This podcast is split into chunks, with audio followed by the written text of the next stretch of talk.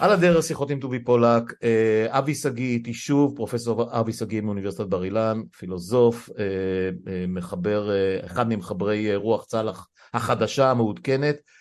קודם כל שלום אבי, אני אשאל אותך מה שלומך ואני יודע מה התשובה, ובכל זאת, מה שלומנו בימים אלה? אז אני אענה לך את התשובה הקלאסית שבין שנינו ברמה האישית, הכל בסדר, אבל אם האישיות של כל אחד מאיתנו היא גם חברותנו לתוך מדינת ישראל, אז המצב שלנו על הפנים.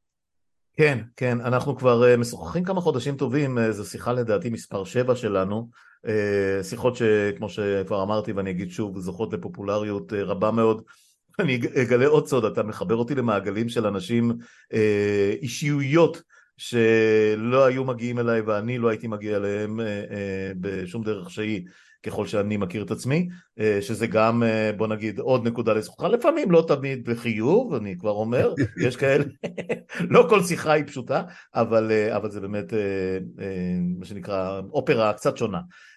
ואנחנו ממשיכים בעצם במקום שבו הפסקנו בשיחה הקודמת, נגענו, נגעת בעיקר אתה, בכל סוגיות הסרבנות פחות נגעת, אבל ההבדלים העקרוניים שבין מרי אזרחי לאי ציות אזרחי, אני רק, רק יכול לצטט גם שיחה לא, ההבדלים זה... העקרוניים שבין אי ציות אזרחי לסרבנות, מרי זה סוגיה אחרת לגמרי. כן, זה... נדמה לי שגם נגענו בזה, אבל אין לי בעיה שגם, כן. ש, שגם תבהיר את הנקודה הזאת תכף בשיחה שלנו. אה, אה, אני רק אגיד שבשיחה בין לבין עם פרופסור מני מאונטנר, שגם, שגם אותו אתה חיברת אליי, אה, הוא ציין שמרי אזרחי, גם אם הוא לא תמיד מכיל את האלמנטים הלא חוקיים או ה... אה, אה, נקרא לזה אה, לעומתיים של אי ציות אזרחי, התחושה שהוא משדר היא של אלימות, כאשר אי ציות אזרחי זה יותר פיספולי, ביותר בדרכי שלום, אבל שוב, אתה, אתה המומחה היותר גדול, לפחות מבינינו, אז, אז נדבר גם על זה.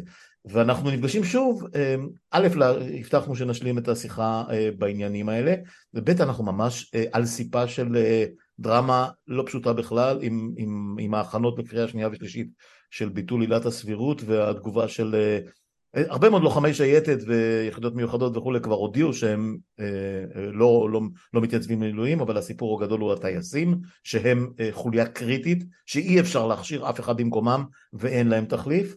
וככל שידוע לנו וזה גם הכותרת הראשית של עמוס הראל היום בארץ הם, הם פשוט הבהירו שאם זה יתקדם רבים מהם עשרות מהם יפסיקו את ההתנדבות שלהם אז אה, קח את זה מפה ותגיד לי אה, באיזה נקודת זמן אנחנו נמצאים בסיפור הזה כרגע.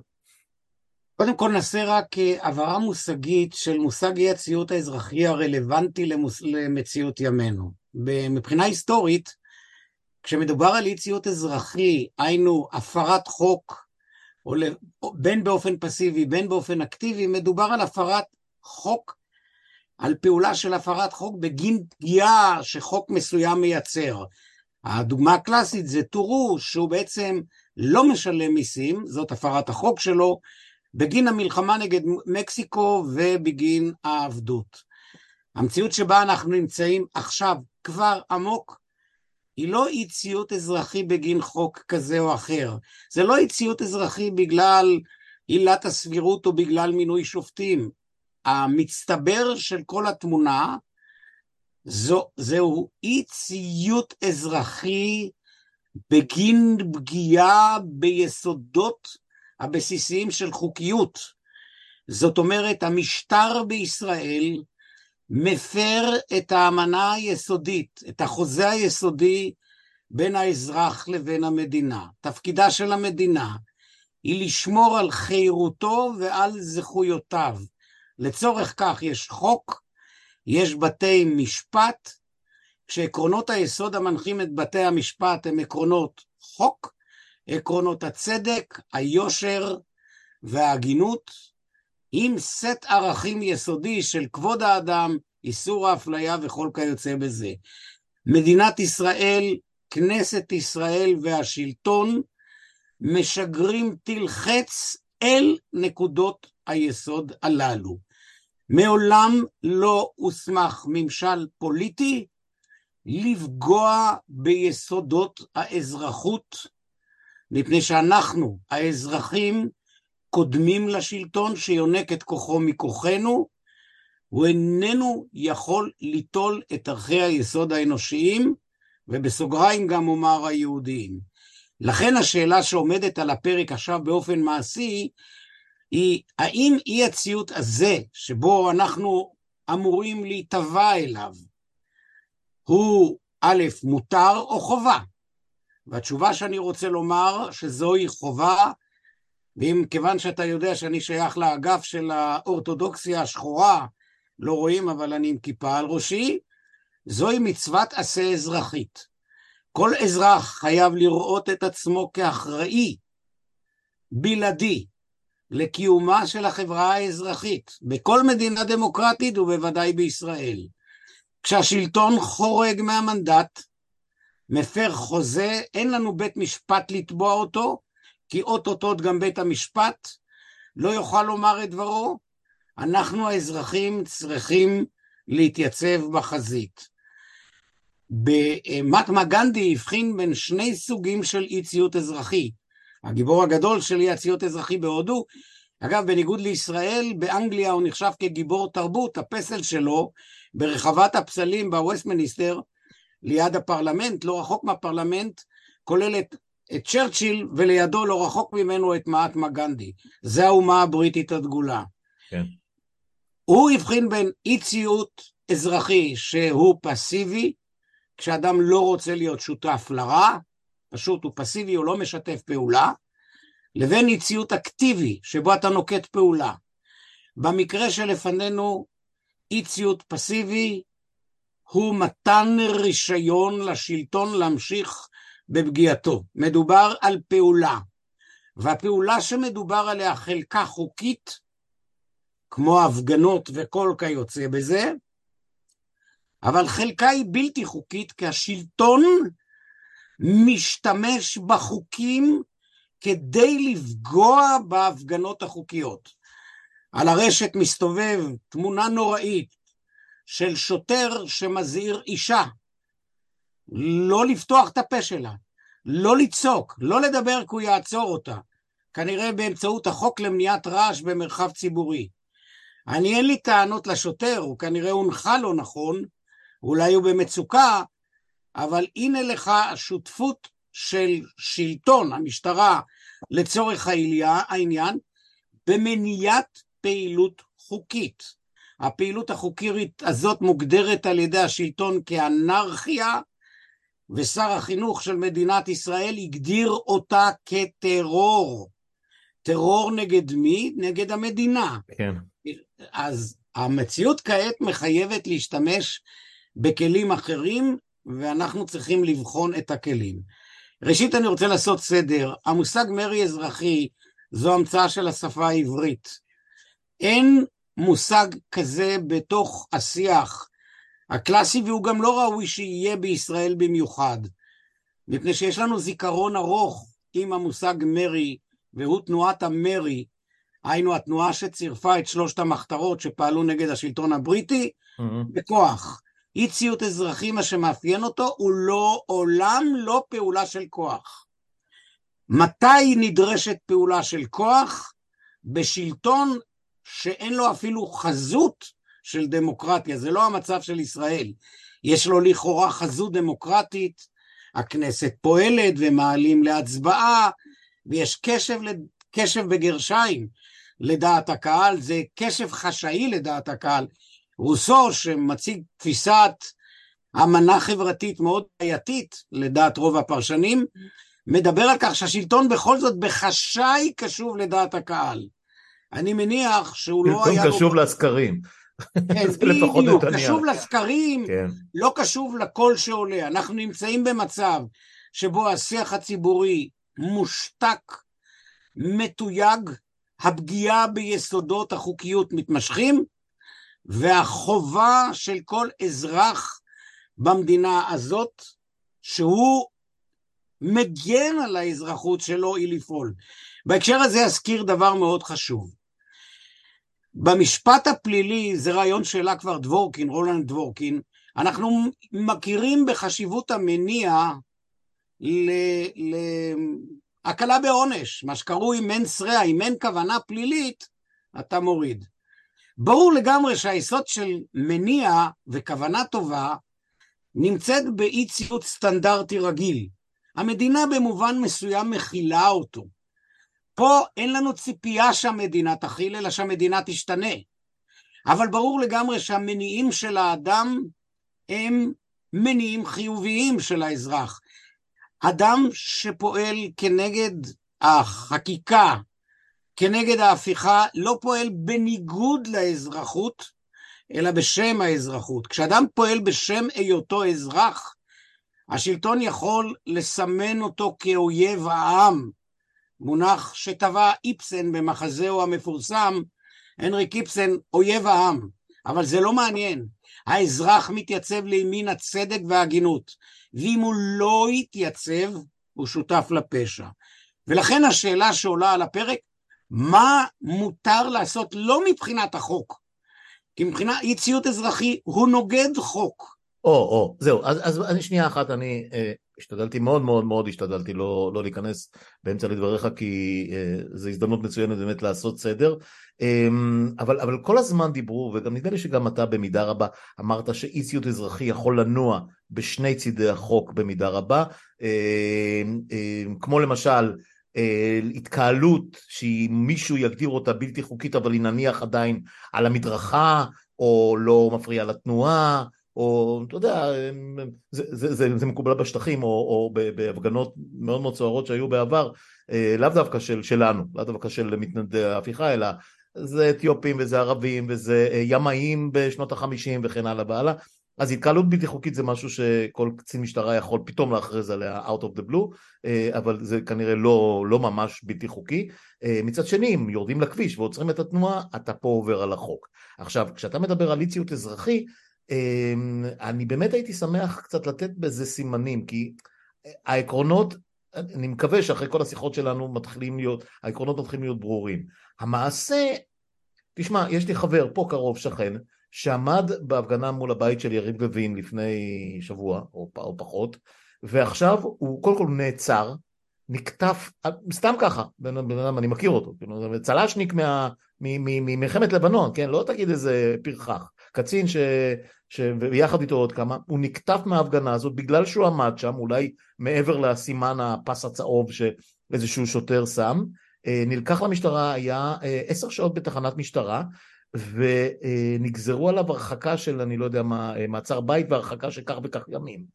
אמ, עכשיו, אני, פה אין אפילו ציות אזרחי, יש פה התעמרות של השלטון על כלום.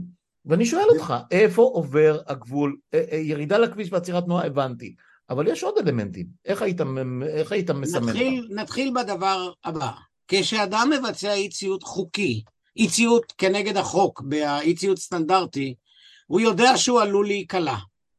הוא יודע שבית הסוהר... בסדר, חסימת כבישים, הבנתי, אבל רגע, עמידה רגע. מול בית של בן אדם? רגע, רגע, רגע, רגע. נתחיל עם אי-ציות אזרחי.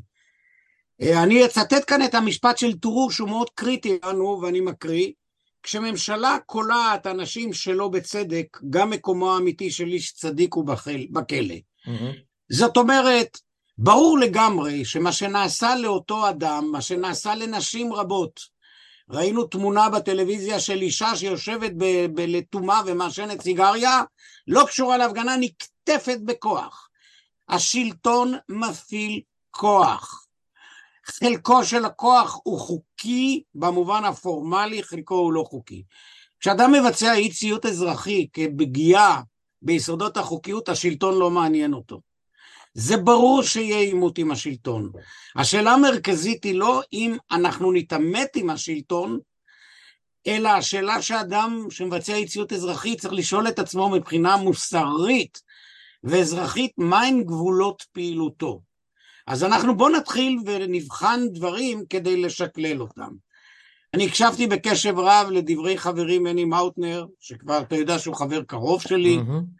שאמר אי ציות אזרחי בשום פנים ואופן אסור לו להפריע לתנועה, נתב"ג, תנועה בכבישים וכיוצא. אמבול, אמבולנסים, זה תמיד הסיפור. אז בואו נתחיל לפי הסדר. ברור שאמבולנסים אסור להפריע בשום תנאי, מפני שזה חיי אדם. Mm-hmm. בכל מה שקשור חיי אדם, ערך חיי האדם הוא ערך מקודש. אגב, אני רק אעיר פה שכמעט, לא כמעט, בכל המחאות שלנו, שאני שותף להם ושאני חלק מהם, ברגע ששומעים או רואים אמבולנס, מסכים איתך, ים סוף נפתח. גם אני ראיתי את זה באותן מחאות. אתה יודע מה, אני אגיד לך יותר מזה, הם מגיעים הרבה יותר מהר, בגלל שאין תנועה אחרת. נכון. אז קודם כל, את זה הורדנו מהסדר. כן. אנחנו מדברים על זכות בני אדם לתנועה חופשית. במדינה, אה, במדינת זכויות, או מדינה שהייתה אמורה להיות מדינת זכויות, תנועה היא חלק, חופש התנועה היא חלק יסודי מהתפיסה הדמוקרטית הליברלית. אבל כאשר כל שיטת המשטר שבא לגונן על זכויות של האדם מאוימת, צריך לבצע שקלול זכויות.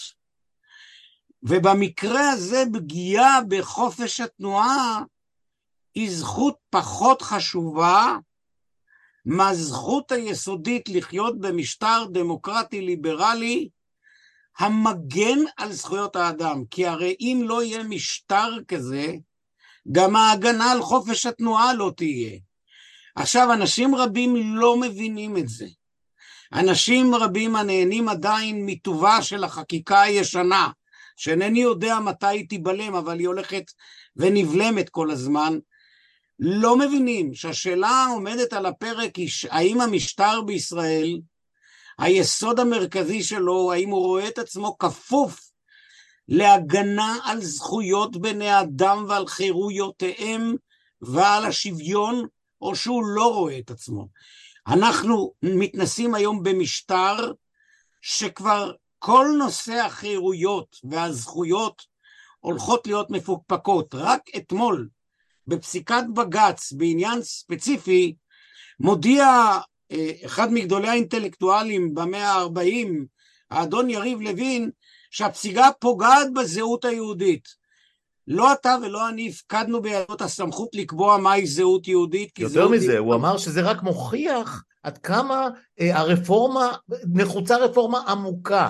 זאת אגב, אומרת, בוא נדבר יא... על מהי הרפורמה העמוקה. יפה, לא, אני רק, אני רק אגיד פה שמדובר על זכות הקניין של עובדים זרים, אם הם לא עוזבים, לשלול מהם זכויות פנסיה, שזה דבר מטורף לחלוטין. זאת אומרת, איך המדינה את... בכלל מעלה על דעתה דבר כזה? זה... התשובה היא מאוד פשוטה. מדינה שביסודה לא עומדת ההגנה על זכויות אדם ואזרח, הן לא נבדלות. יש זכויות של כל בן אדם גם אם הוא לא אזרח. מדינה שהערך העליון שלה כינון זהות מדינית לך ולי, היא מדינה שפסקה להיות מדינה דמוקרטית, ולכן פגיעה בחופש התנועה היא פגיעה יותר מסבירה. היא פגיעה הכרחית. היא הפעמון האזהרה שעליו מדבר המשורר ג'ון דן שאומר אל תשאל למי צלצלו הפעמונים, הם צלצלו לך ולי. זאת אומרת, חופש תנועה בהחלט ייפגע.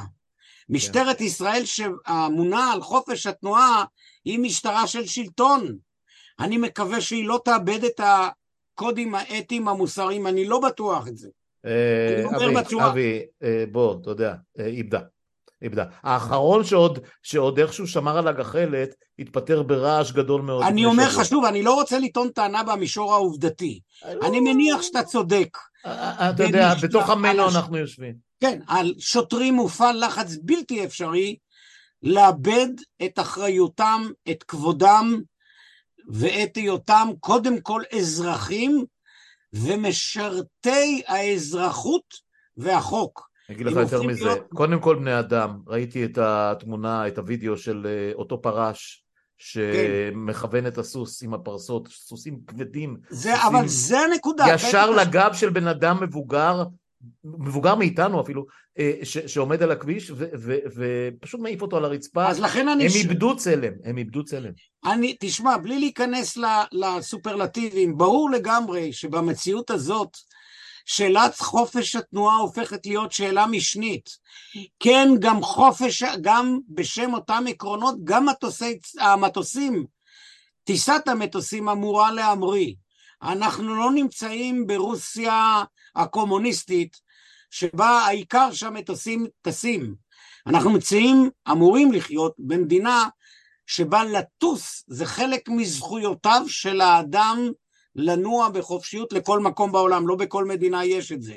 כן. אבל אם לא תוגן מדינת חוק וחוקיות, זה ייפגע.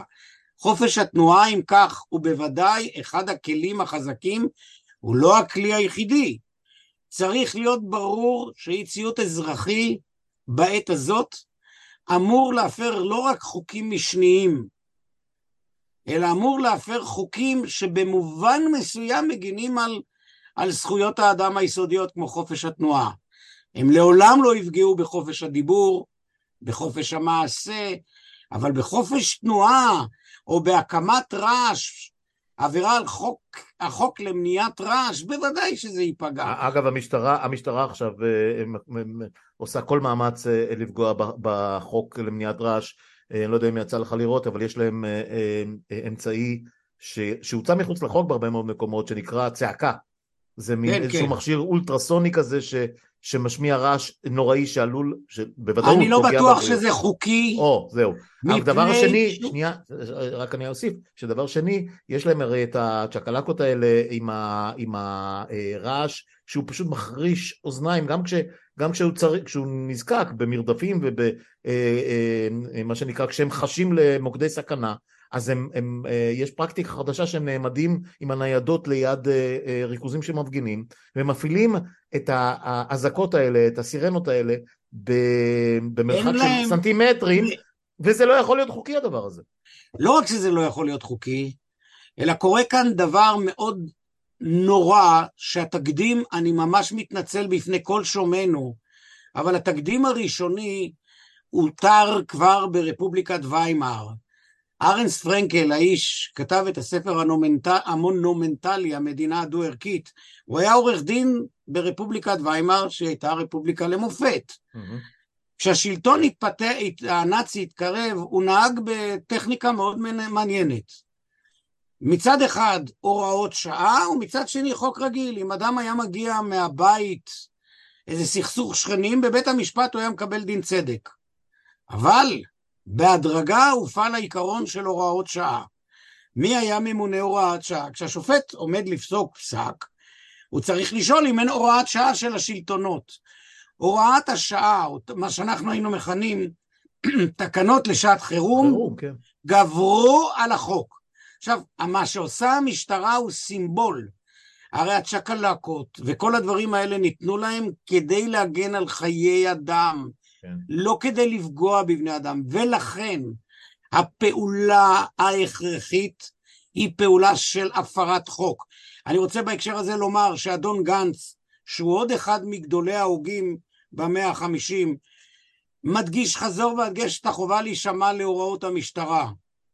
אני, עם כל הרצון שלי להבין אותו, אני לא מצליח לחדור אתה לראש... לא היחיד, אתה לא היחיד שלא מבין אותו. שחושב שהוראות המשטרה הן מה שבעיני האדם המאמין חוקי האל. גם לאדם המאמין יודע שיש חוקי האל שצריך להפר אותם. זה מסורת יהודית. עת כן. לעשות להשם הפרו תורתך. לעתים כן. אתה בשם הערכים מפר נורמה. אבל מה שעוד לא חדרה התודעה, שאנחנו נאבקים כאן על עצם חיינו כמדינה, ערכים וזכויות דמוקרטיות ליברליות. אין מקום ליפי נפש. או, אז, אז, אז בסדר, אז, אז, אמרנו, אז אמרנו חסימת כבישים והפרה של הזכות הבסיסית לתנועה, ואולי גם אה, אה, מצב שעדיין לא קרה, אגב, אה, של אה, נניח אה, אה, עיכוב בטיסות, שאגב אה, באלף ואחד מקרים של אה, סכסוכי עבודה ושביתות פיריות או אפילו מתוכננות, זה קרה בלי סוף, ואתה יודע, בעולם לא... אתה יודע, זה הטכניקה המעוותת של השלטון. כן. כן, לא, אבל שנייה, הש... שנייה, אני, אני מנסה להתקדם, כי אנחנו מדברים המון על חסימת הכבישים, כי כי זה האלמנט הכי זמין, פופולרי, והוא גם סוג של משחק חתול ועכבר בין, אה, בין המוחים ל, ל, לשלטונות. אה, אה, עמי אשד שהתפטר הכיל את זה עד לגבול מסוים, יורשיו או ממשיכיו או ווטאבר מפעילים הרבה יותר כוח, מה שנקרא ברוח המפקד, אבל, אבל מה עוד, אה, אבי, מה עוד? אנחנו, אני תכף, תכף נגיע לצבא, לסרבנות ולטייסים, אני, אני משאיר את זה להמשך, אבל כשאני חושב, אה, הורדנו מהפרק, אני לפחות הורדתי מהפרק את הסיפור של המיסים, הוא פשוט ממש ממש לא מעשי להמון. לא, זה לא משהו שאתה ואני יכולים לנקוט בו. חוץ מאשר חסימת כבישים, ואני לא יודע מה, שביתת שבט מול הבית של קיש פה מעבר לכביש אצלי, מה, מה בעצם עומד לרשותנו עוד? תראה, אתה שואל אותי כעת שאלה שהיא לא ממש בתחום מומחיותי. אה, מניסיון שראית בעבר ובכתובים. לא, לא, לא, אני קורא את הספרות. כן. אני אומר לך, אתה שואל אותי כפילוסוף. שמכיר היטב את הספרות על אי ציות אזרחי. פילוסוף. והיסטוריון הייתי אומר, גם אם זה כן, לא התחום כן, כן, המדויק. כן, כן, בסדר גמור, אני מקבל את המחמאה הזאת ואת הרקוגנישן. אז אה, תראה, אנחנו לא יודעים אף פעם מה המוח היהודי שממציא לנו פטנטים ימציא. אבל בוודאי עיקר ההפרעה צריכה להיות הפרעה לתנועתם של המחוקקים והיושבים בשלטון. אותן הפרעות מול בתי מחוקקים ובתי שלטון היא הכרחית, מפני שהאנשים הללו, תראה, חוק החסינות מגן עליהם בהרבה דברים, נכון? וזה בסדר. מגן עליהם כמעט אבסולוטית. אבל הוא מגן עליהם על מה שהם עושים במסגרת תפקידם. אם הם חרגו מתפ... מהו תפק... מה תפקידם, מוגדר על ידי העקרונות והחקיקה שבמדינות אחרות יש בה חוקה, כאן אצלנו חוקי יסוד וההקשרים הרחבים של צדק ויושר. הם אינם מוגנים. הם אינם מוגנים בפעילות כזו שהיא פוגעת ביסודות הדמוקרטיה.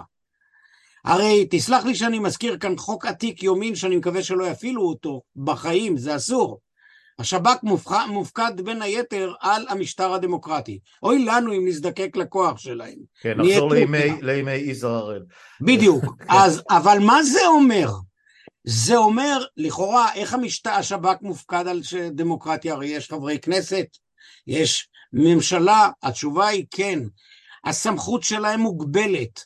הפטפוט הנוראי של חברי כנסת במדינת ישראל של היום, שלא מבינים את המציאות החברתית, שאין להם שמץ של הבנה במושגי זכות, ואם תרצה אני גם יוכל, אוכל להסביר לך למה זה הגיע בישראל לנקודת הרתיחה הזאת, אומרת שיש חובה לשבש את פעילותם ככל האפשר. ואת ההמשך של פעולת השיבוש, אני מתוך היכרות עם חלק מהאנשים שהם... אתה לא תסגיר uh, סודות מקצועיים. אני לא חושב שאני צריך לספק אינפורמציה. אני, אני שומע את זה, קודם כל אני כמובן, כמו שאתה יודע, מדבר עם, עם הרבה מאוד אנשים ששותפים למאבק, מארגני המאבק, אנשים שיושבים במטה של המאבק, אני מבין את זה. לא כל דבר צריך להסגיר מראש. ועדיין, אגב, רק הערה קטנה אחת על מה שאמרת לגבי המחוקקים והגבולות שלהם במסגרת החוק, אה, אני אתן לך דוגמה אחת קטנה שזה פשוט אות מתה לחלוטין והחסינות שלהם היא אבסולוטית כמעט בכל אה, קנה מידה שאנחנו מכירים.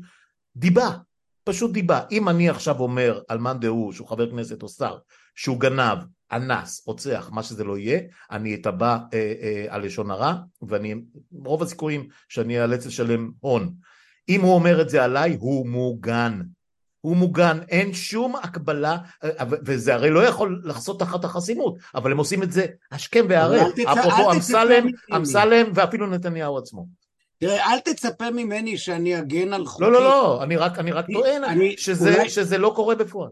רגע, אני רוצה כאן, זה דווקא הזדמנות מאוד טובה לה, להעביר שתי פונקציות שיש לחוקים. Mm-hmm. פונקציה אחת של חוקים נועדה להסדיר אחידות נוהלית. דיברנו על זה, אם ההגה מצד ימין או בצד שמאל, כן. זה אחידות נוהלית. עצם הוראת השלטון ועצם קביעת המחוקק היא גם הצדקה לו. בתחומים שקשורים לחיי אדם, לזכויות, למחוקק יש זכות לחוקק, אבל הוא צריך להיות מוצדק. צריך שיהיה לו נימוקים טובים. עילת סבירות. עילת סבירות קלאסית. חכה, לא גמרנו עם הסבירות. הנימוקים הטובים הללו אינם באים ממוחו הקודח של המחוקק. הוא שומע אנשי מקצוע, הוא שומע את דעת הקהל, השיח הפוליטי חייב להיות ניזון מדעת הקהל. כאשר מדינת ישראל לא ניזונה מדעת הקהל, כאשר לאמסלם יש את החוצפה האינסופית לומר את מה שהוא רוצה, אומר, אני בניגוד לך אומר, טוב שהמחוקק נתן לו להתבטא. אתה יודע מדוע? מפני שאתה ואני כעת נלמד מי הם המחוקקים שלנו. דמיין לעצמך שהאדונים הנכבדים היו לא רק אה, היו, הייתה להם מראית עין, חזות, של מחוקקים שמגינים על זכויות אדם ואזרח, ובמחשכים פוגעים בנו, אנחנו היינו אבודים. אנחנו יודעים בדיוק מול מי יש לנו עסק. נחמה פורטה אם יורשה לי, זה לא ממש עוזר לי בחיים, אבל... אני מסכים איתך, אבל בנסיבות האלה הנוכחיות, זה מזל. אנחנו שומעים אותם, הם לא יכולים לרמות אותנו, ואנחנו מבינים שפעם עוד היה להם רסן של בושה, אבל הם איבדו אותה, אתה זוכר, דיברנו על יסוד הבושה, גם כתבתי כן, על כך. כן, נכון. אין להם בושה מפני שהם אדוני הארץ. ולכן... וזה גם עובד, עובד להם, כי אף אחד לא... אין, אין לנו... תקשיב, אה, עזוב עכשיו את הסיפור של אה, היו בחירות ואל תבחרו בהם שוב, זה הרי חרטא, זה, זה משהו ש, שלא מחזיק מים. אה, אף אחד גם לא בוחר פה אף אחד באופן אישי ו, ו, ואפילו לא, ה, אפילו לא על, על פי אג'נדות ו, ו, ומצעים. אני רק אומר שזה עובד להם. הוא לא, לא עובד נותן, להם הוא בכלל. מקבל, הוא, הוא לא, הוא לא, הוא, האנשים האלה לא משלמים שום מחיר על זה שהם פוגעים בנו באופן גלוי, באופן מכוון. תראה, נעזוב לרגע, כי זה לא הנושא שלנו, את השיטה כן, הזאת והבעיות שלה. כן. אני אומר לך שבעיניי זה לא עובד להם, כי הם מספיק טיפשים כדי לומר את הדברים בפרהסיה, והפעילות שלהם היא שקופה דייה כדי לעורר את אזרחי מדינת ישראל. מהיום הראשון שזה יצא, אני חוזר ואומר לעצמי ולאחרים, אני מאוד אופטימי, ואני שמח... אתה מודה ללוין ולרוטמן, אבל הם לא הבעיה היחידה. לא, אני לא מתכוון רק ללוין ולרוטמן, לכל אותם עציצים שהם חברי כנסת, כן. בעקבות החוק הנורבגי, שברצותו, ברצות המחוקק או הממשלה עם חברי כנסת, ברצותם הם נזרקים. אנחנו יודעים בדיוק היום מה קרה למדינת ישראל. מחוקקיה, חל עליהם מה שהנביא במגילת איכה אומר, איכה הייתה לזונה קריה נאמנה. וזה קורה, זה קורה, וטוב שזה נחשף החוצה, מפני שאנחנו יודעים מול מה אנחנו עומדים, ואסור לנו כאן בהקשר הזה להיות מין אה, אנשים שמתייצבים על הטריבונה בחוץ כשופטים. לא נפגע בזה ולא נפגע בזה, כן נפגע. אנחנו גם מוכנים לשלם את המחיר.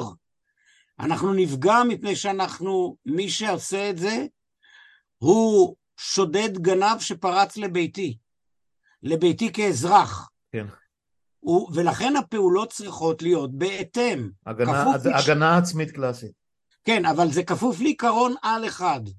לעולם לא באלימות. מהסיבה המאוד פשוטה, אזרחות לא נבנית על אלימות. לא על מרי ועל שום קשקוש מהסוג הזה.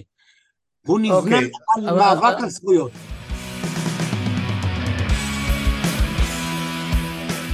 מאה אחוז, אני, אני בן אדם לא אלים באופן, באופן אה, טוטאלי, אני לא רוצה להגיד פציפיסט כי שירתי בצבא ואני יודע להגן על עצמי אם צריך ואני אעשה את זה אם מישהו יאיים על משפחתי וכן הלאה והלאה, אבל אני לא אה, אדם אלים ולא, ולא, ולא קורא לאלימות וסולד מאלימות וכל מה שתגיד. ועדיין, אז אני אומר, מי יגן עליי? כי הנה, הנה החבר שלי שנקטף בהפגנה, ו, והיה כך וכך שעות בתחנת משטרה, ואחר כך הובא בפני שופט, והשופט, ללא שום עילה, תקשיב, ללא שום עילה, אני, אתה יודע, על דברים שאני לא יודע, אני לא יודע, על דברים שאני מכיר מקרוב, אני יכול להעיד עליהם. אה, גם אה, הרחקה, גם מעצר בית, גם שחרור בתנאים. עכשיו, מדובר פה על אה, עשרות ומאות ואולי עוד מעט אלפים של אנשים שזה מה שקורה להם ברמה היומיומית ובתי המשפט לא עומדים בלחץ הזה. אני מרגיש שאנחנו נשארנו נטולי הגנה. אני חושב שמי שנשאר להגן על עצמנו תמיד ואף פעם לא מישהו אחר זה אנחנו האזרחים. הציפייה שלך ושלי ושל קרוביי, של רעייתי, של כל אדם, שמישהו מבחוץ יגן עלינו, הוא אי הבנה מוחלטת של מושג האזרחות והדמוקרטיה. בדמוקרטיה, אדם, כבר פריקלס אומר את זה, אדם שאיננו פועל לטובת הכלל, הוא חסר תועלת.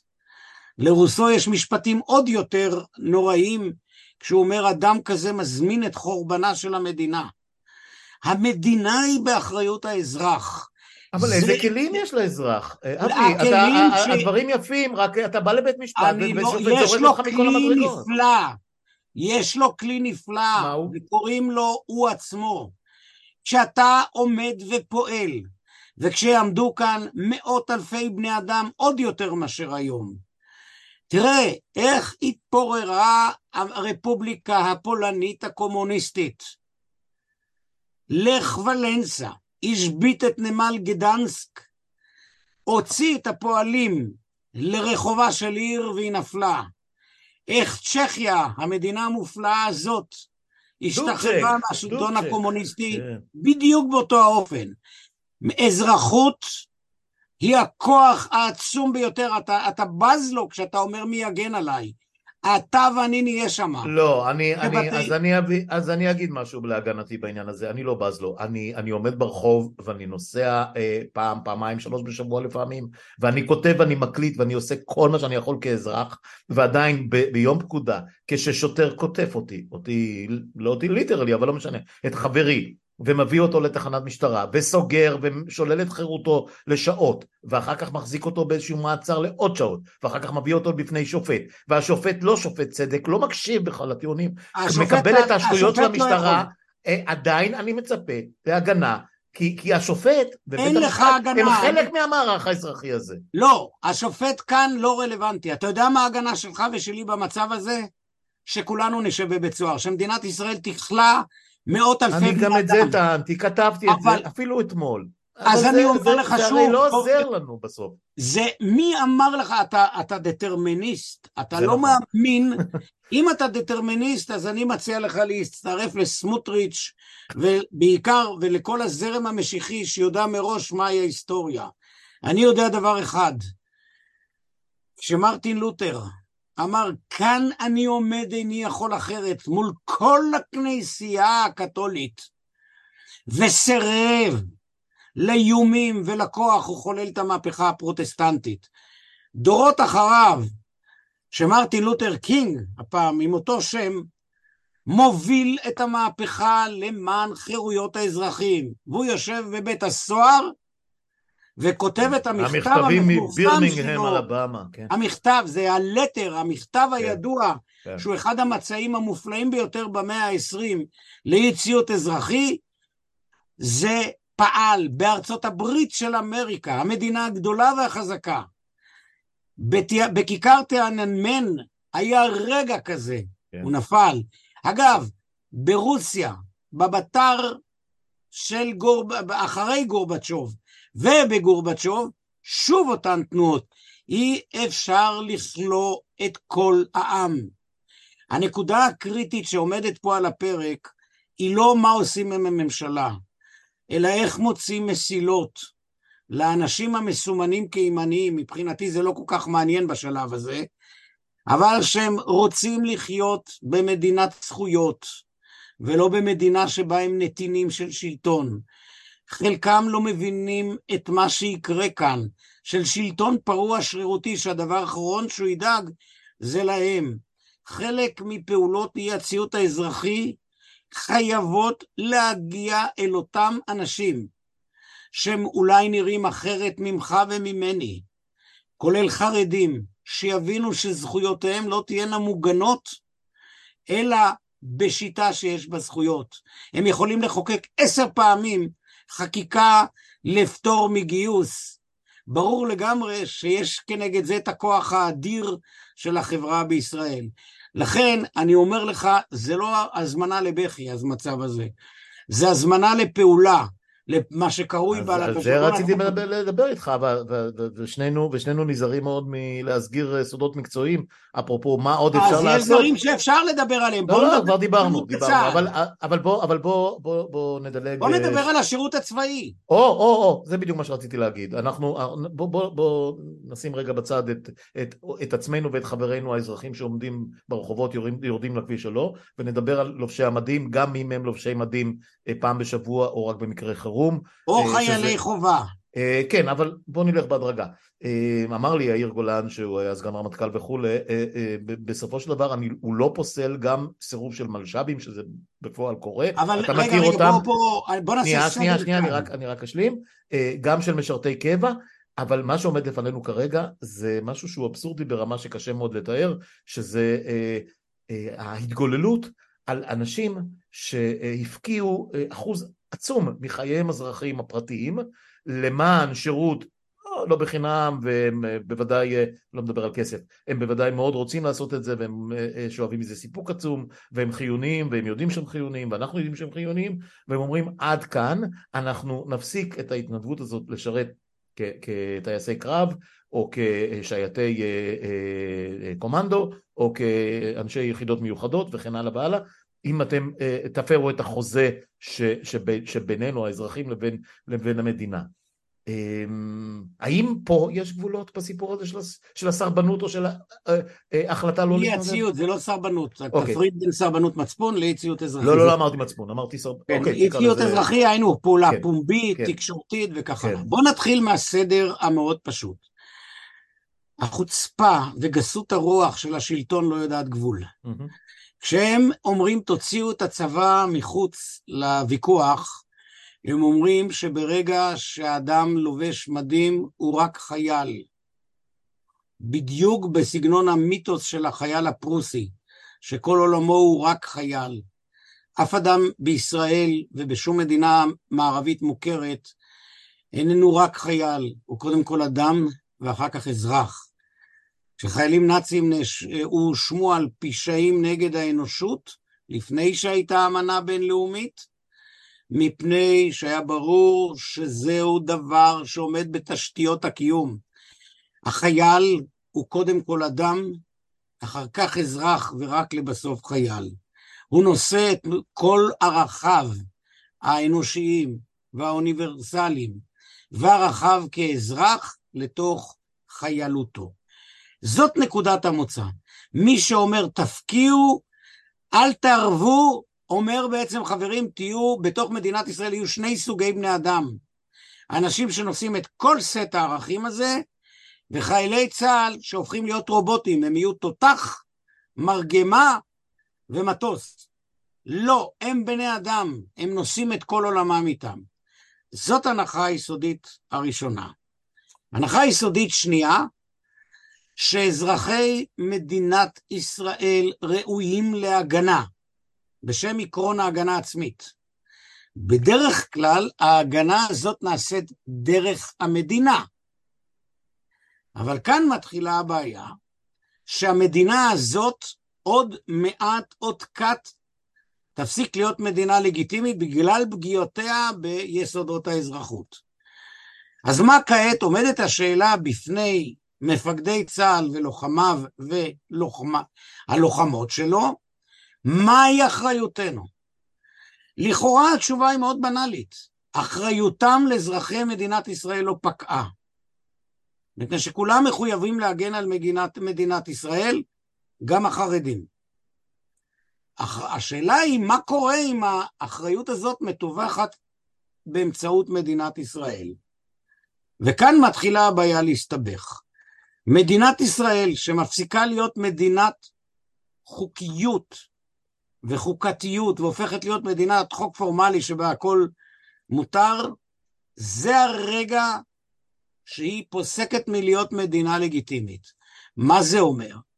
זה אומר שכשמדינה מורה על ביצוע פעולה צבאית, מוטל על כל חייל וחיילת לבחון האם היא עומדת בקריטריונים של מוסריות, או שהיא פקודה בלתי חוקית בעליל, כפי שיש פקודה בלתי חוקית בעליל, שאסור לצרף לה, לסרב לה, שאסור לציית לה, כך יש חוק שהוא בלתי חוקתי בעליל. מחר בבוקר תצווה המדינה הזאת להפציץ את כל עזה, למחוק את חווארה כחלומם הרטוב של אנשי סמוטריץ', חלה חובה מוחלטת לצר... לסרב לזה. אין בין זה לבין הגנה על אזרחי מדינת ישראל ולא כלום. זאת אומרת, כל חייל וחיילת מלמטה, מהטוראי ועד הרמטכ"ל, חייבים לבחון כעת כל הוראה של ממשלת ישראל במבחן אחד. האם העיקרון, האם ההוראה עובדת תחת עקרון ההגנה העצמית או לא? אם היא לא עומדת תחת עקרון ההגנה העצמית, אם הם יעשו פעולה כזאת, הם יהיו פושעי מלחמה. זה רעיון אחד. רעיון שני, והוא הרבה יותר דרמטי ממה שאני הולך לומר. מדינת ישראל בשטחים מוגדרת ככוח כובש.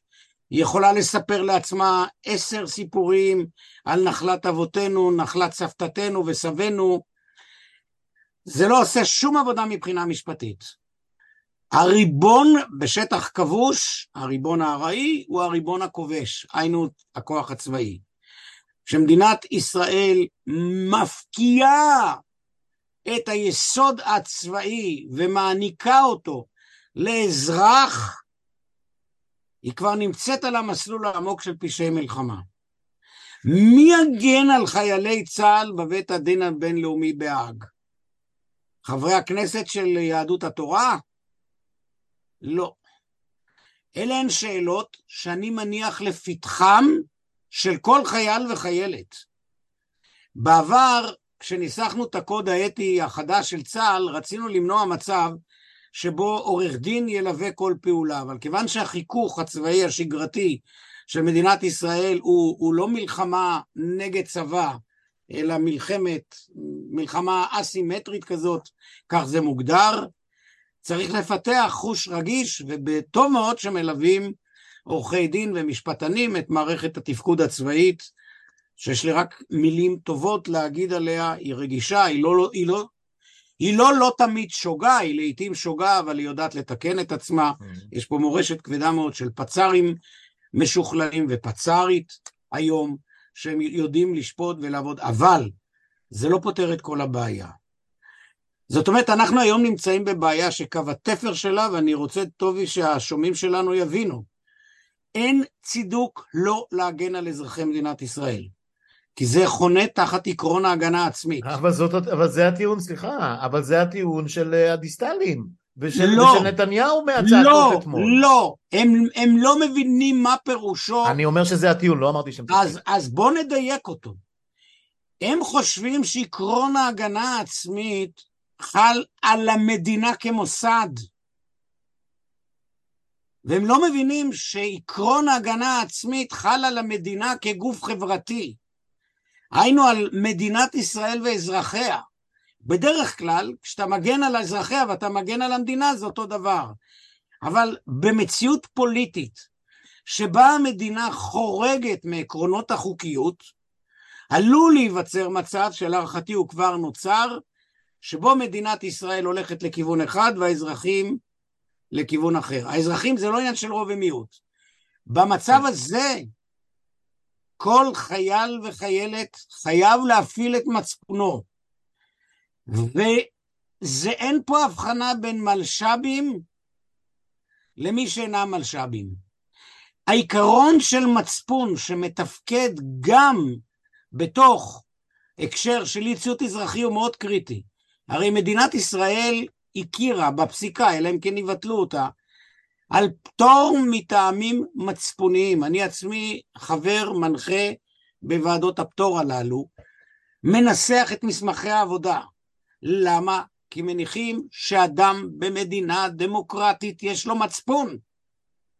אנחנו לא, כשזה פעולה של אי ציות אזרחי, שיק, לא, לא מניחים שזו פעולה לא מצפונית, אבל אנחנו אומרים, פה יש עיקרים אחרים שבגינם אנחנו לא ניתן את הפטור. אז אני, אני, אני שנייה אחת, אני, אני פשוט, אה, לא יודע, מנסה למצוא אה, אה, מרווחים קטנים בשביל איכשהו אה, לחדד את השאלה שלי או, או, את ה, או את התהייה שלי. עכשיו, ברור לי לגמרי שאם אני, אתה יודע מה, אני אגיד בעצמי, על עצמי, אם הייתי היום טייס שצריך אה, אה, להתייצב לאימון או להכנות פעם בשבוע ולהיות אה, מוכן ומזומן עם הסרבל ליד המיטה, או לישון עם סרבן, אה, ולצאת אה, לפעולת חירום והכל, אני לא חושב שהייתי עומד בזה.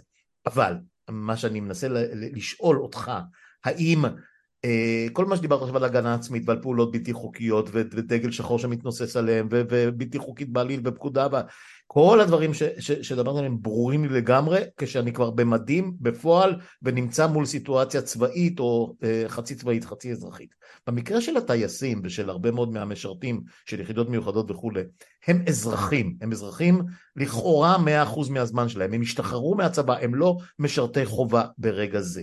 והם אומרים אה, בגלל מה שהמדינה עושה, בגלל מה שהממשלה עושה, בגלל מה שהכנסת הולכת לחוקק, אנחנו אפריורי, כרגע אולי אין מצב חירום, אבל אנחנו נביא את המדינה או את עצמנו, את חיל האוויר שאנחנו שייכים אליו, למצב שבו הוא לא יוכל להגיב במקרה שלא יקרה של מלחמה, של אירוע חירום, כי הכשירות שלנו תיפגע, אנחנו לא הולכים להתייצב. עכשיו, זה בעיניי מעשה מדהים וראוי לכל שבח. אה, מצד שני הוא קצת בעייתי כשאני מסתכל על הטיעונים מנסה להפוך את הפריזמה ו- ולהסתכל מה שנקרא uh, על הגנת out, האזרחים. uh, גם, גם על ההגנה עלינו גם אבל גם uh, uh, לממשלה באשר היא לא משנה כרגע איזה ממשלה זה היא אומרת אתם מצמידים לנו פה אקדח לרקה. אתם מאיימים עלינו. היה פעם סרט על, על איזשהו תום קרוז מהסרטים האלה של האקשן שהרעיון היה שהוא הולך מפתחים איזשהו, איזשהו, איזושהי אפליקציה שיודעת לשער מראש כוונה פלילית או כוונה רצחנית של מישהו שאפילו הוא לא יודע שהוא הולך לעשות את זה.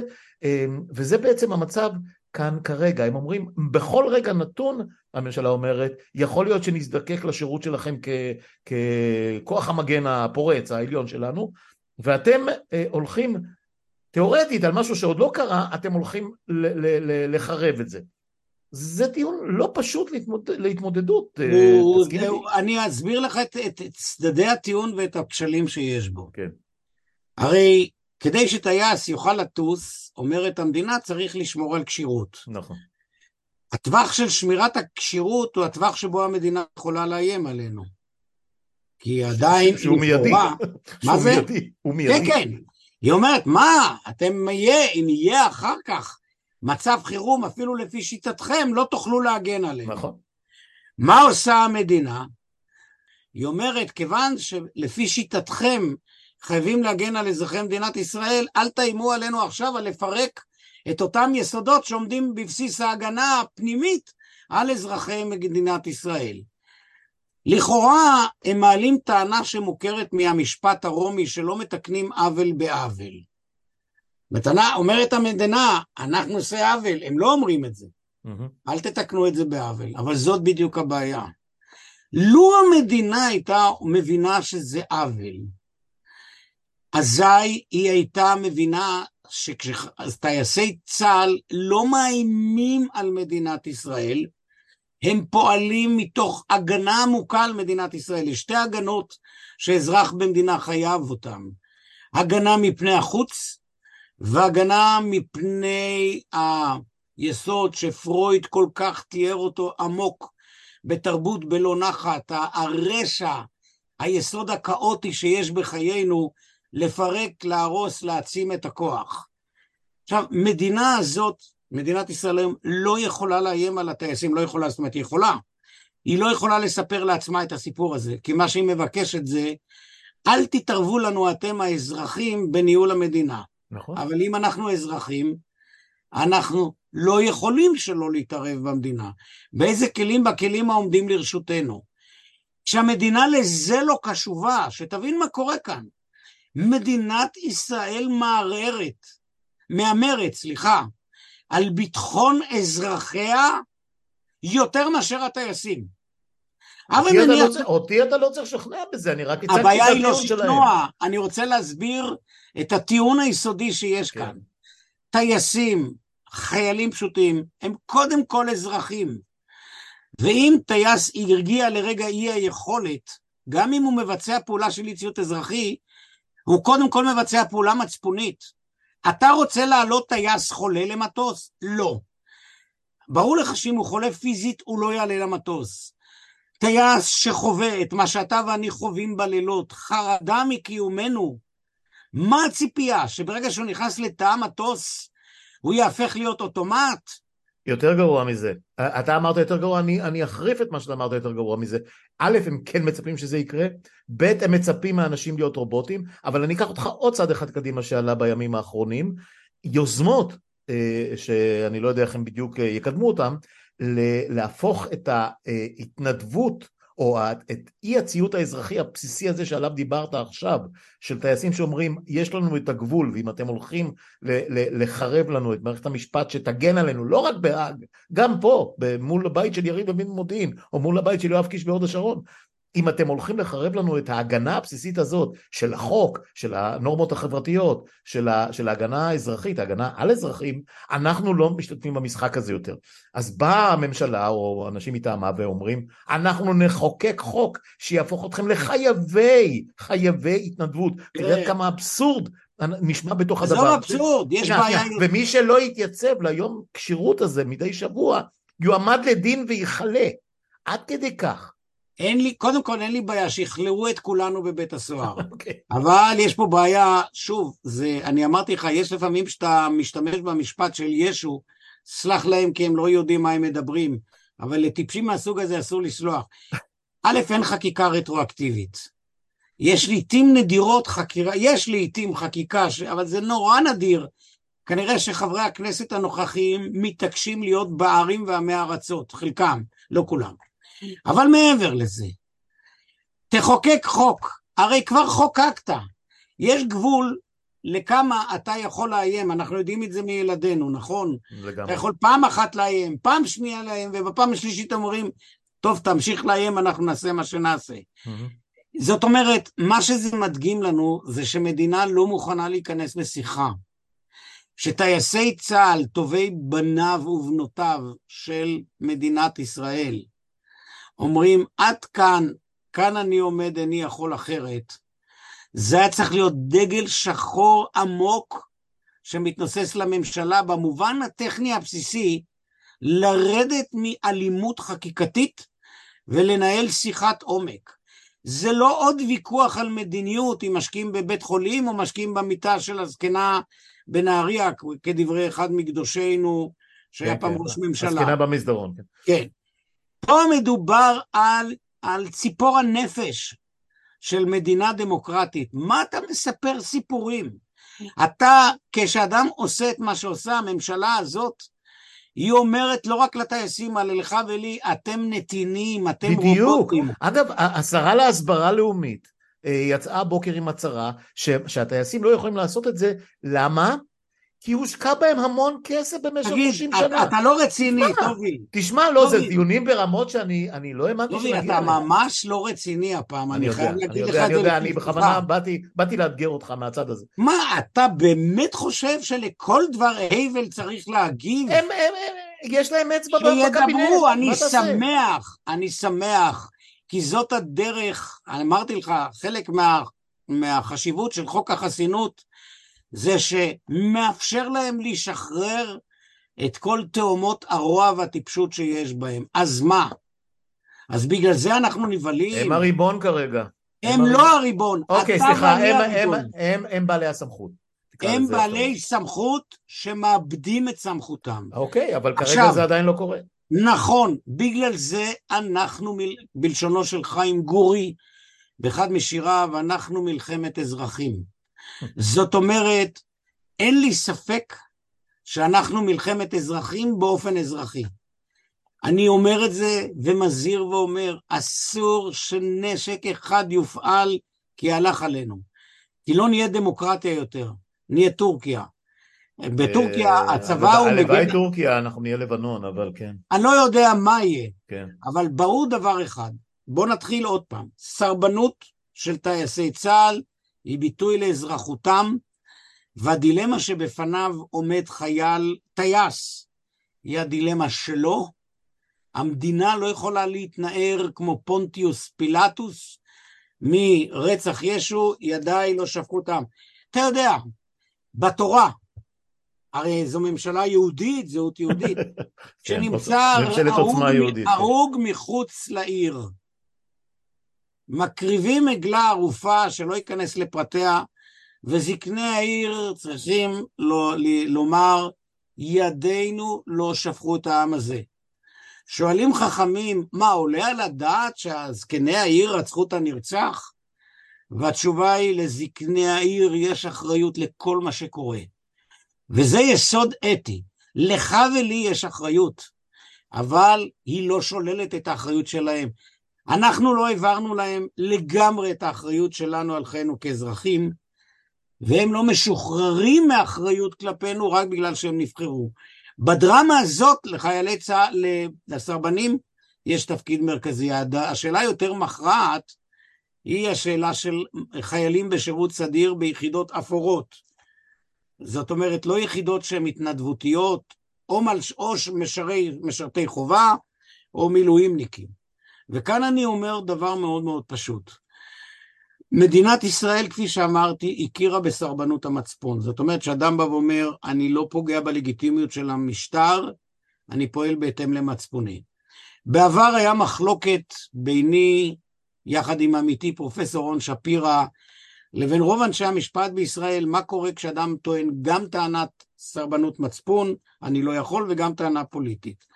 אז בעבר אני סברתי, ואני חושב שרון שפירא עד היום חושב כך, שמשיקולים של עקרון השוויון ועוד עקרונות אחרים, יש להתחשב באי הציות האזרחי.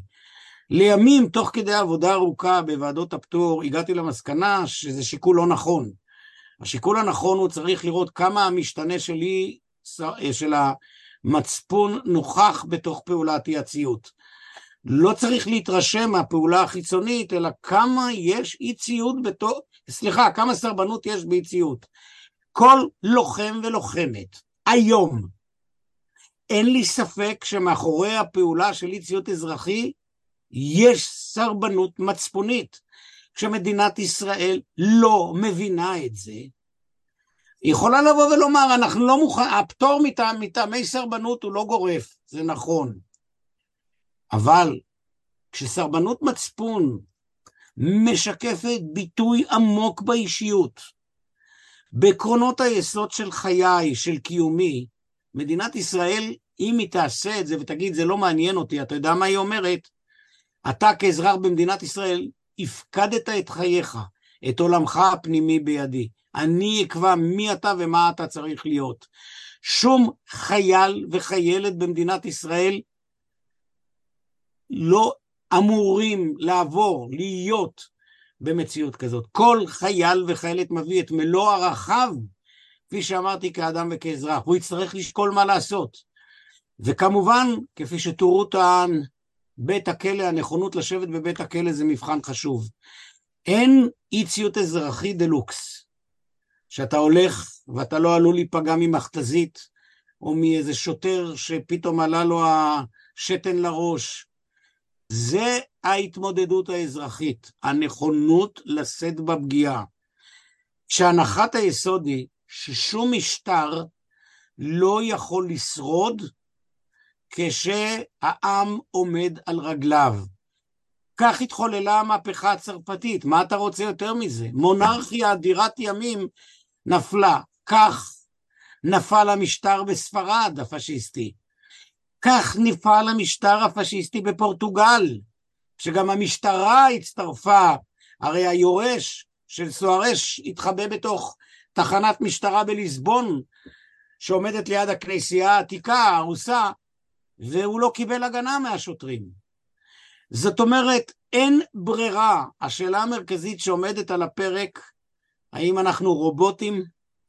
האם אנחנו זורקים את שק הערכים המוסרי שלנו לפח הזבל, ואז האם החיים שלנו הם חיים ראויים. אין רוע שהוא בנאלי. אתה, כשאתה עושה מעשה רע, זה לא מעשה שנעשה מאליו, כי לאדם יש תמיד את החירות ואת החובה לחשוב האם לפעול לפי יצרים, דחפים וכוח, או לפעול לפי משהו ראוי מוסרית ותרבותית.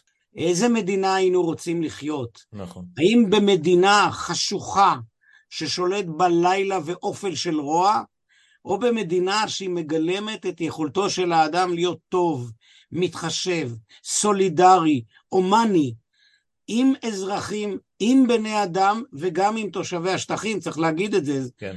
זה באותה, באותה מסגרת. מדינת ישראל סוגרת את דלתי ההומניות, היא עושה מעשה שהוא מנוגד לאתיקה המוכרת לי כאדם שעוסק באתיקה למעלה מ-40 שנה, ואחליף את הכובע שלי כאדם שעוסק בחקר הלכה, היא מנוגדת לכל מה שאני מכיר מתוך ההלכה היהודית, מתוך המסורת היהודית. זהו כוח שאיבד רסנים ולא מבין בחשבון שכשיש מחלוקת כל כך כבדה בציבוריות, אי אפשר להכריע באמצעות רוב, מפני שרוב לא, לא הוסמך לקבוע את זהותך ואת זהותי, את זהות הטייס ואת זהות הלוחמת. הוא לא מוסמך לקבוע. הוא בא לגונן על היכולת של הטייס ושל הלוחמת ושל המלש"ב ושל החרדי והחילוני והערבי והיהודי לממש את חירותם, לממש את זהותם כפי שהם מבינים אותה. מדינה שמתעמרת, פוגעת, לא מתחשבת בשם רוב פרוצדורלי, היא מדינה לא, לא הגונה, וכשהמדינה לא הגונה זה לא שטר היתר לבני אדם להיות לא הגונים. במסורת היהודית, הרי זו מדינה יהודית, אברהם עומד מול אלוהיו וצועק, השופט כל הארץ לא יעשה משפט, חלילה לאל מרשע, ואלוהים נענה לו, אלוהים אבל לא ביבי. בנימה, עכשיו באמת, נסיים עם זה, אה, אני לא, לא בטוח שיש לי מה להוסיף, אבל אני בכל מקרה לא אוסיף עוד, אה, גם כי כבר עבר מספיק זמן וגם כי נדמה לי שהקפנו את רוב הדברים שרצינו לגעת בהם. אמ, אבל אני די רגוע, אה, המציאות אה, תביא לנו נושאים למכביר לפגישות הבאות בינינו. אז בינתיים אה, בוא נעקוב אחרי מה שקורה בזמן הקרוב לדעתי, זה עניין של ימים עד, ש... עד שנדע לאן אנחנו הולכים לפחות, לפחות במשברון, לא משברון, במשבר הנוכחי. יש לי, יש לי תחושה שסוג של קשצ'נדו עומד לפנינו ואני לא, ואני לא יודע לשים בו לתת בו סימנים, אני לא יודע אה, אם, אם, אם ילכו all in אה, על התנגשות חזיתית או ששוב יתקפלו. אני לא בטוח שיש, שיש בסיס לליל גלנט חדש, אה, טריק, טריק שעבד פעם אחת לא בטוח שיעבוד פעם שנייה, או שיעצרו לפני או שילכו ל... עד למשבר חוקתי, לך תדע. אה, ונמשיך לעקוב ונמשיך להיפגש. תודה לך, אבי שגיא. תודה, טובי, ותודה למאזינים שהצטרפו לשיחה הלא פשוטה. כן, אני גם בטוח, אתה יודע, בשיחות בינינו אנשים נשארים עד הסוף, אז אה, לפחות, אוקיי. כן, זה מין ניסיון להתראות. ביי ביי.